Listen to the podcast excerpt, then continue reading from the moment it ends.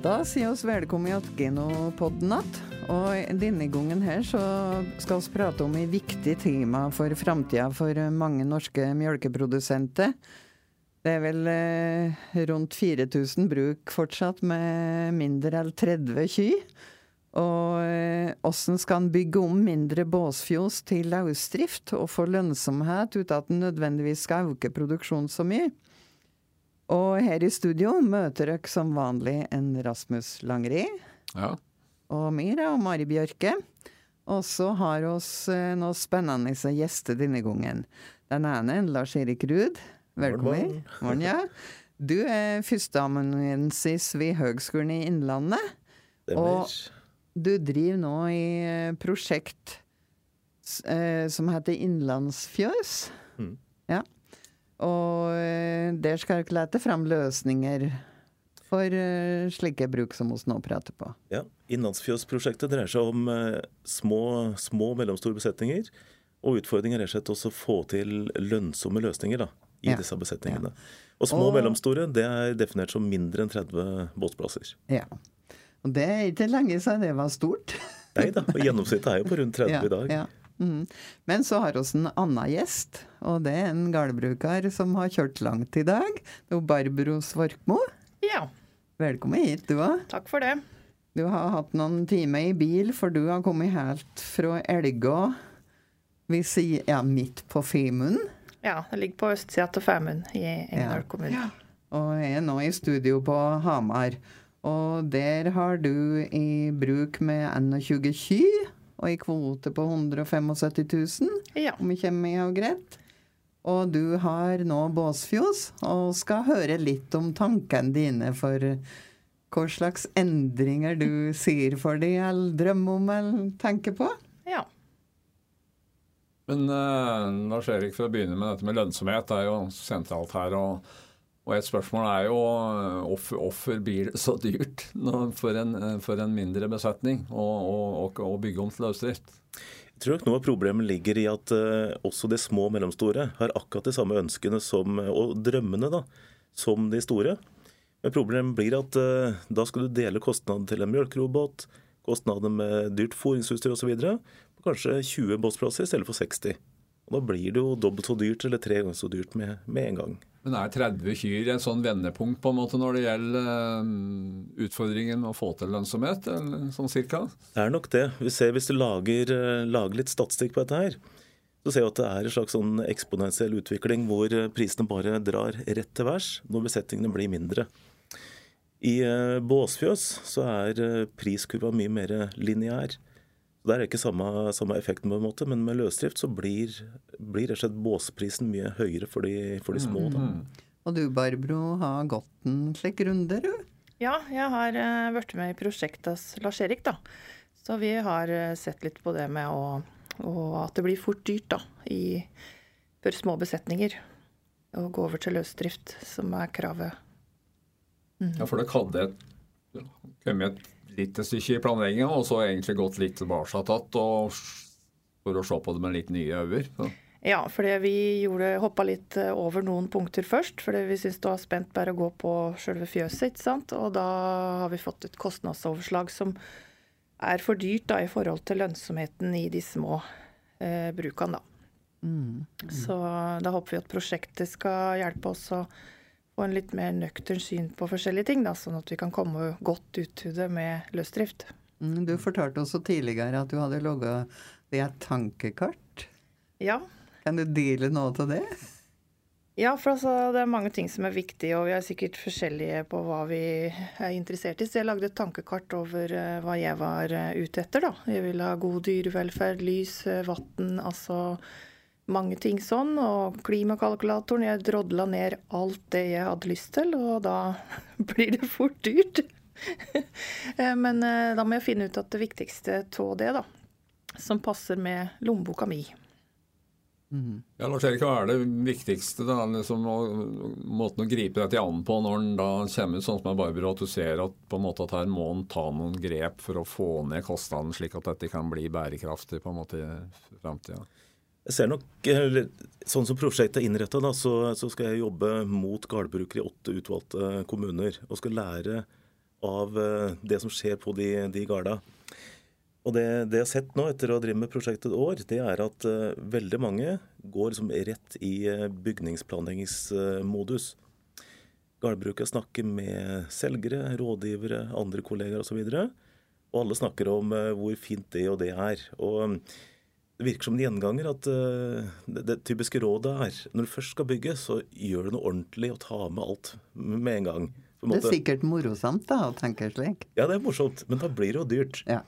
Og Det er en av kjepphestene mine i eh, prosjektet. det At det blir for mye fokus på tilvalga og litt for lite på bortvalga. For skal du ha prisen ned, så må dere slett velge bort noe. Mm. Eksempler på bortvalg som monne? Jeg har kategorisert det i, eh, i tre, tre, bokser, på en måte. Det ene er å velge bort uh, hovedfunksjoner. Altså Hvis du virkelig skal få prisen ned, da nytter det ikke å bare velge bort noe sånn smårusk. Du må velge bort store ting. Og Da må du rett og slett kutte ut en del funksjoner. F.eks. det også ikke bygge for ungdyra, og heller bruke eksisterende fjøs f.eks. Da velger du bort hovedfunksjon mm, mm. ungdyroppstalling. Mm. Er dette dere det noe av det du kjenner igjen i, Barbro? Ja, det er det. For da har vi funnet ut at det er lurt å bruke restverdien da, på gamle bygninger til sinkyr og ungdyr. Og så heller satse på løsdrift i eget frittstående hus, da. Mm. Som, eh, mm. da kan jeg ha full produksjon i det gamle og mange fordeler, da. Også kostnadene går ned, og vi kan ta det over Langen, liksom. Ja, For dere som ikke er i studio nå, så sitter han Lars Erik og teller på fingrene, for han har et visst antall en skal innom. Så nå kan du få fortsette på andre fingre. Det er helt riktig. Tre fingre hver. Den første det går på hovedfunksjoner. Den andre det går på arealer og kutte arealer. Og særlig kutte de arealene som ikke er direkte produktive. Så breie fòrbed, store birom, store sosialrom osv. Det, mm. Det koster ganske mye. Så Men breie fòrbrett, hva lite kan du greie det med? Det er et uh, relativt spørsmål, egentlig. Altså, du, det finnes jo mekanikk som kan fòre ut på 80 cm breie fòrbrett. Så, så, det må på en måte balanseres. Um, men ofte så dreier det seg om å finne, finne et fòrbrett som er mulig å, å mekanisere over tid. Du kan starte med enkel mekanisering, kanskje noe av det du har. Kanskje hjulgrabb eh, i mindre besetning f.eks. Men som lar seg gjøre å mekanisere etter hvert som tida går, og som du har lyst til å oppgradere fôringa. Da ender vi ofte på et fòrbett som er et par meter breit i praksis. Barbro, tenker dere i forhold til både fòrbrett og utfòringsløsning nå, da? Nei, det å få en hjulgrabb er jo rene Rolls-Royce-løsninger for oss, for vi fòrer alt med trillebår. Ja. ja. så vi, vi ser òg nøkternt på det. og ble egentlig litt lurt første runden vi fikk tegning, for det, da selgeren sa vi måtte ha så og så bredt fòrbrett. Men vi ser jo fort vi kan spare inn meter med en gang, uten at vi Da har vi enda mange muligheter senere, da. Mm. Så ja, for det blir mye, men det blir mye kvadratmeter. Altså, det, altså Forberedt høres jo liksom ikke ut som det blir så mye av det, men det blir fort mye kvadratmeter til et langt forberedt. Ja, særlig de funksjonene som måtte gå gjennom lengderetning på bygget, ja. ender med veldig stort areal totalt sett. Har du bygg som er 50 meter langt f.eks., og legger på en meter her, så er det jo 50 kvadrat. Mm, mm. Det blir fort uh, hundretusener av det. Ja. Mm. Og så har vi, har vi, glemt litt det med at uh, du kan mekanisere ulikt i store og små besetninger. Eh, i huet vårt så er både selgeren og planleggeren og gårdbrukere også De har jo vært på besøk hos andre som har bygd løsdrift og har større besetninger. Som er liksom så i et modus for å få med seg alt som er i teknikk fra dag én. Mm. og det koster. Mm. Mm. Men det går an å ta det gradvis, selv òg som du Barbro nevner, at du kan eh, kan håndtere litt mer eh, fysisk i et mindre fjøs, tross alt? Ja da. Og så det er stor forskjell på avlastning for å skifte fra trillbår til hjulgrabb inntil videre. Da. Så kan du jo bare oppgradere med en Avant, så har det heller ikke kosta deg all verden. Eh, så det er mange muligheter. Ja, Barbro, med tanke på mjølkingssystem, og, og stål og can der med tanka der nå? Jo, vi har eh, tenkt robot, da. Og tenker først og fremst en brukt robot. Fordi eh, vi har litt lange avstander i kommunen vår og vil ha litt mer fleksibilitet når unge er små, da. Så, men brukt robot er helt greit for oss. Mm, mm. Men tidligere så har det jo mange finansiert eh, fjøsutbygging med å ekspandere. Men sånn som for, for dere, Barbro, med deres utgangspunkt, er det noe aktuell eh, vei å gå? Nei, det er egentlig ikke det. Vi har ikke ressurser rundt oss eh, til det. For det, vi ligger liksom i veis ende i en utkantkommune og, og har begrensa med arealer å ta av før vi må kjøre veldig langt. Så da blir jo ikke det så veldig klimavennlig. Så vi tenker at vi skal gjøre det best mulig ut av det vi har rundt oss. Og da kan vi ikke øke volum, da må vi kutte kostnader. Mm. Hvilke bortvalg har du rådd dem til å gjøre da, Lars Erik? Nei, Da er vi inne på det tredje bortvalget. og Det går på kvaliteter. Og Det er f.eks. brukt i stedet for nytt, eller enklere mekanisering i stedet for uh, avanserte eller automatiske uh, løsninger. Da. Mm. Så Det kan være f.eks. en brukt robot i stedet for ny en. Det kan være enkel fòrutlegger eller julekrabb i stedet for fullfòr og automatikk f.eks. Men kvaliteter kan òg være på hele fjøset, altså at en tenker eh, temperert eller uisolert i stedet for isolert osv. Mm. Det er masse altså, Men generelt bygger vi for, bygger vi for solide fjøs. altså Har vi en litt å spare på å bygge litt enklere med tanke på at ting endrer seg. og så 10-15-20 år fram i tid altså, så er det jo vanskelig å spå hva slags behov vi har egentlig. Jeg tror nok vi bygger for, eh, for solid, og det ser vi jo mange ombyggingene i dag sliter jo nettopp med møtet med solide betongvegger. Og Det er jo fordi at eh, foreldre- og besteforeldregenerasjon har lagt altfor mye penger i betong og solide løsninger. Ja, For det kan forandre seg litt fortere kanskje i behovet nå framover? Ja, jeg tror vi kanskje skal ha mer fokus på, på sin generasjon. Altså løsning for, for sin tid. Ja. Vi må bli flinkere til å planlegge for, for vår driftstid. Altså legge en sånn livsløpsstrategi for egen del. Det tror jeg men uh, kanskje ikke nødvendigvis legge føringer for uh, barnebarna sine. Mm -hmm. Men så spørsmålet er liksom nå, hvor mye kan bygge for? Det finnes noen sånn tommelfingerregel på en måte for å sånn et sånn gjennomsnittsbruk på en måte, og hva som er på en måte en akseptabel gjeldsbelastning for at du skal eh, både kunne leve med og ta det? Ja, altså det, det endelige svaret får du ikke før du får satt opp en ordentlig driftsplan, hvor du tar hensyn til alt som er av gjeld og inntekter osv. Men eh, en eh, tommelfingerregel som er fin å ha i utgangspunktet. Eh, Tine snakker om 25 kroner per kvoteliter f.eks. Og det er en sånn gjeldsbelastning som de fleste kan leve ganske, ganske godt med. Innovasjon Norge har lagt på lite grann. Det snakker om sånn 30-35 kroner. Men da begynner vi å nærme oss ei, ei sånn ei grense for hva du helt tatt greier, greier å overleve med. Du må være veldig god, og du har liksom ikke noe særlig å gå på.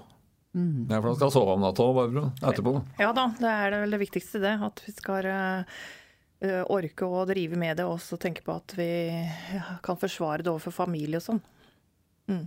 Mm, mm.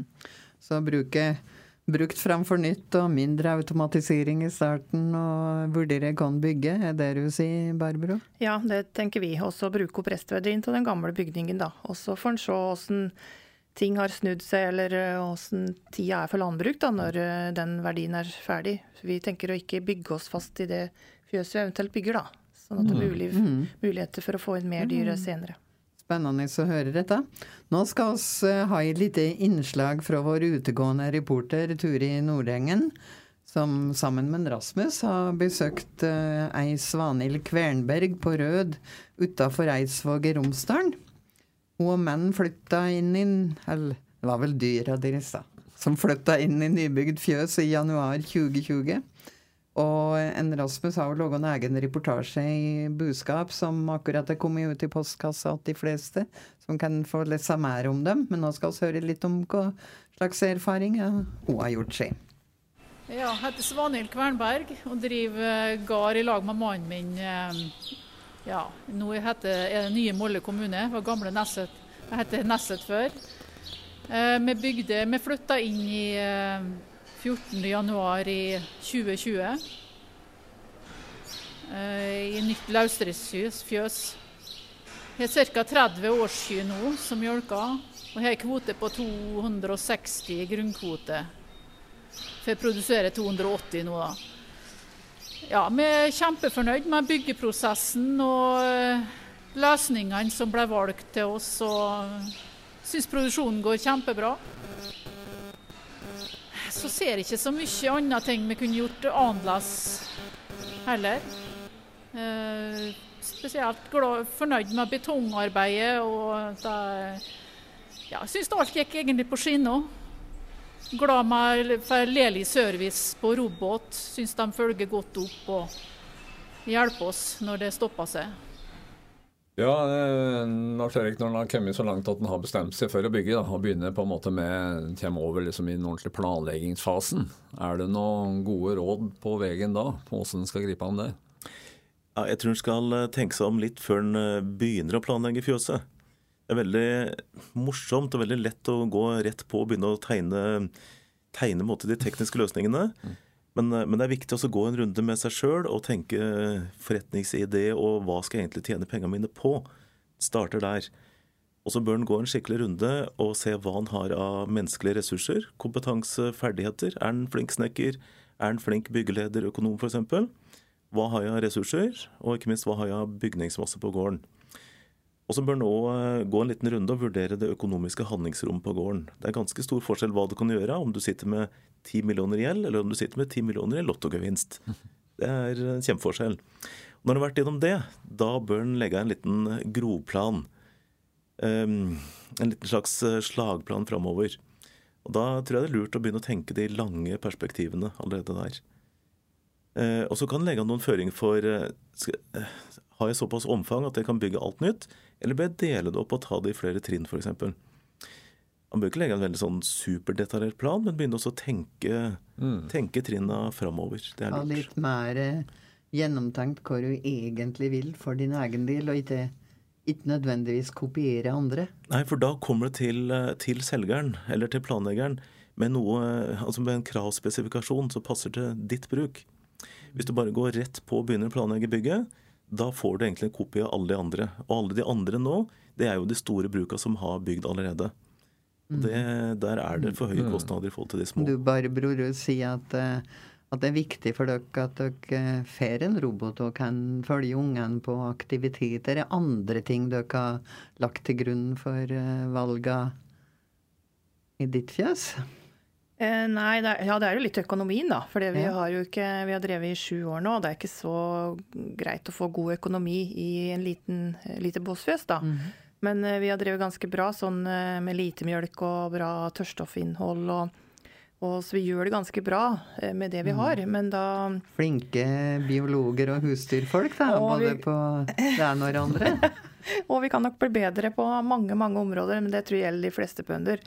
Men eh, vi tar litt og litt om gangen, da. Og så, så tenser vi at, eh, at når vi eh, kanskje får et løsdriftsfjøs, så, så håper vi at det blir bra økonomi fra starten. da, At vi har bygd opp besetningen og sånn så vi får, får en bra gård, da. Mm. og mye lettere mm. arbeidsforhold. Ja, og så er det en genopod så litt å fortelle at dere har jobba mye med avl over mange år, har du ikke det? Jo da, pappa er veldig interessert i det, og vi har vel videreført det litt. Så vi har stadig vekk noen eh, GS-tester av eh, både okser og kviger. Vi har hatt ei kvige inne på Geno på embryo, og det syns jeg er veldig gøy, da. Så vi er veldig interessert i NRF og avl. Vi er det. Og da må en jo ha god dyrevelferd òg, da. Så det, det, er litt vanskeligere i et gammelt båsfjøs da med lysforhold og luft. Og, så vi ser egentlig fram til å få litt bedre hverdag for dyra nå, da. Mm -hmm. Men nå kommer altså løsningskravet er jo i, først i 34, men det kommer et krav allerede i 24 med kalvingsbinger. Hvordan gjør det at dere må bygge, bygge nytt før 24? Kan dere, hvis Altså, for noen har muligheter, for andre så utløser dette òg Nei, vi må, vi må, da egentlig bygge til, da. Vi ja. har eh, allerede måttet kutte ut og fòre opp egne okser, for vi har plassmangel. Mm. Og hvis vi da må eh, bruke noe av det vi har eh, i dag til en kalvingsbinge, så da får vi ikke nok påsett til at vi kan ha så stor produksjon i det fjøset. Så det må en ombygging til, da, eller utbygging, og det ser jeg ingen grunn til, da å ta det steget først. Da håper vi heller på å komme rett inn i et løsdrift i stedet. Og så ta det andre over lange. For da tar du løsdrift for mjølkekyn? Ja. og så har du oppdrett og men, men, ungdyr. Ja. Mm. Mm. men da Lars Erik, så vil jo egentlig at kravet 24 vil jo egentlig for mange utløse indirekte løsdrift. At det blir veldig blir en omvei liksom, å, å, koste på noe for å få tilfredsstille 24-kravet, og så noen år senere skal over i løsdrift? Ingen tvil om det, og det ser vi godt i antall søknader hos eh, Innovasjon Norge òg. Det er skyhøyt. Det er mange søkere nå. Mm. Klart det kan være litt koronaeffekt, men jeg tror eh, det kravet fra 2024 er hovedårsaken til det. Mm. Kan du bare fortelle hva det kravet i 2024 innebærer, Lars Erik? Det er vel kort sagt kalvingsbinger eh, i båsfjøs. Så er det òg litt, litt, ute, litt mer uteliv da, for mm. alle dyr, egentlig. Mm. Men dette med hvem som skal tegne fjøs, er, det, altså, er det greit at jeg eh, bruker leverandører til å tegne fjøs? Altså, hvor stor grad skal en koble inn noen uavhengig, uavhengig rådgiver i denne prosessen? Det er masse kompetanse hos uh, salgsapparatet, så jeg tror ikke vi skal skus, skusle bort det på en måte. Men jeg tror kanskje bonden bør være mye tydeligere på hva slags fase vi er i. For ofte så, så går vi rett ifra å tenke nå er jeg litt på jakt etter å finne noen løsninger. Og så går vi til en av selger fra Felleskjøp eller Fjøssystemer eller en annen, og så spør hva har du? Og så kommer de hjem, og da har du signert en kontrakt. Det, det du egentlig har gjort da, det er at du hopper direkte fra et forprosjekt, hvor du jakter løsninger og prøver å finne en løsning som egner seg for deg, til å gå til et hovedprosjekt som er å bygge fjøs på en måte. Så eh, jeg tror nok bonden må være tydeligere på hva slags fase er vi nå. Mm. Hente inn gode ideer osv. Der kan eh, selgere være gode hjelpere. Og så bør vi kanskje gå til nøytral rådgivning, Tine eller NLR f.eks., ja. og få tegna opp våre tegninger. Og så går vi og kjøper inn uh, Får til en skikkelig forhandlingsrunde, da. Pris, mm. priskring. Mm, mm. Du har jo snakka litt om dette der med å få uh, avgrensa anbudsinnhenting. Uh, slik at du vet hva du spør om. Mm. Ja, det er jo, eh, altså Hvis du hopper bukk over disse fasene og går rett til bygningsplanlegging og hopper over hele forretningsideen, ja. så blir jo alt dette smørt i hopus. Og da spør du egentlig etter pris på et fjøs. Eh, hvilket som helst fjøs. Og da tar jo selgeren opp hvilken som helst tegning, den siste han tegna, og så bare gir deg prisen på det. Og det er jo ikke tilpassa dine behov. Mm. Ble det litt dyrt da, Barbro? Ja, for jeg hadde en selger som dukka opp med et ferdig fjøs eh, hos noen andre. Bare ta det, her, det er det beste vi har. Sånn har jeg kommet til meg og se. ikke sant? Mm. Men det kan også være fristende for å få ned prisen og så bare legge, ned, legge inn veldig stor egeninnsats. Det er vel det er jo fort gjort å brenne seg på, vil jeg tro. Ja, det, jeg tenker at uh, mange har jo ikke mulighet til å drive egeninnsats. Og hvis vi skal ha fokus på å holde produksjonen oppe, så må vi ha fokus på det, da. Og heller eh, hjelpe til så godt vi kan. Så heller sette bort mesteparten. Men eh, hvis en bygger et frittstående fjøs, så har en jo Da har vi en oppskrift eller en bestilling, da, som er mye enklere mm. mot for vi skal begynne å flikke på det gamle. Mm. For da kan det mm. fort bli uforutsette ting. Ja, da har du mye mer ramme ja. rundt uh, anbudet. Ja. Mm. Og så vet jeg at Lars Erik, eh, det er kanskje når du har kommet med i prosjektet ditt, at du har prata om dette med at enhver gårdbruker vil ha akkurat sitt spesielle fjos. At det kanskje er, ikke er så smart hvis du tenker økonomi og overskudd irriterer? Jo da, det er jo smart det, men, men problemet er altså når hele forprosjektfasen blir litt sånn sammenrørt, ja. Eh, så blir det så mye fokus på de tekniske løsningene. Du tror at du trenger et veldig spesielt fjøs, ja. men det er jo kravspesifikasjonene som er litt spesielle. Hvis vi tar en parallell til bil, da, altså Bilmarkedet det er jo et uh, marked som er prega av masseproduksjon. Mm. Uh, det er jo ingen som går og spesialbestiller forparten av en Ford og ber om bakparten av en Volvo. liksom. Det er ikke sånn det funker. Du finner en modell ja, som, som passer til dine behov. Nei, men, men, men, du går og finner en modell som passer til dine behov. Ja. Og det har ikke landbruket vært uh, flinke nok til. Så det er òg en del av uh, prosjektet. Rett og slett å jobbe med leverandører. Du driver med leverandørutvikling. Så både Felleskjøpet og Fjøssystemer og um, BRI Herde jobber akkurat nå med å komme med standardiserte fjøsløsninger. da. Mm. Det håper ja. vi å ha på plass i løpet av høsten. Det blir spennende å se. Og spennende å se om det virkelig kan måne litt på priser og få gå fra skreddersøm til masseproduksjon. Mm. Mm. Men da, vi har jo en tradisjon her i poden at uh, avslutningsvis så får gjestene våre komme med et godt råd, eller sitt aller beste råd. Og Vi kan jo begynne med deg, Barbro. Hva er ditt aller beste råd for de som er i den situasjonen som dere er? Altså som driver og tenker på å gå ifra bås til gassdrift? Mitt aller beste råd nå, faktisk. Jeg har jo gått mange runder og drevet med mye og tenkt mye rart. Jeg syns det med å bli med i prosjektet var det lureste jeg gjorde. Mm. For da fikk jeg en som eh, hadde tenkt mange av de samme tankene som meg, og som hadde regna mm. på Og ja, jeg fikk så mye på et vis, da. Så jeg mm. syns det beste er å bli med i prosjektet, for oss som vil etter det. At du fikk flere å snakke med? Ja. Det var jo bra reklame det, Lars Erik. Men hva, og ditt beste råd? Bortsett fra å bli med på prosjektet. Jeg tror kanskje det beste rådet er å, å bli mye flinkere til å bruke tida. Mm. Ikke ha det så travelt med å få på plass all mekanikk, nytt fjøs, rubb og raka fra mm. dag én, mm. men rett og slett ta ting litt over tid. Da kan du få på plass et bygg først, og så kan du stelle det litt sånn enkelt og manuelt i starten. Og så når du får eh, betalt litt på det bygget, så kan du heller legge noen kroner i f.eks å bytte en brukt fiskemestdal mot en brukt robot eller en ny robot, eller mer avansert fôring f.eks. Og så er det jo et eh, godt tips så klart, å gå inn på hjemmesida til prosjektet, innlandsfjøset.com. Den reklamen skal du få, der, Erik. da skal vi takke til alle dem som hørte på, og takke til gjestene våre, Lars Erik Ruud og Barbro Svorkmo. Og neste pod kommer første onsdag i neste måned, som vanlig oss er mottakelige for nye spørsmål og temaer, oss, Rasmus. Det er vi hele tida. Ja. Du finner Genopodden på alle pod-apper og på Geno sin hjemmeside. Og oss ønsker lykke til med planlegging av nytt fjøs, Barbro, og alle andre som driver med bygging og ombyggingstanker. Og så kan vi bare avslutte med å si bruk sommeren godt til å tenke grundig gjennom hva du egentlig vil. Ønsker oss god sommer. God sommer. God sommer. God sommer.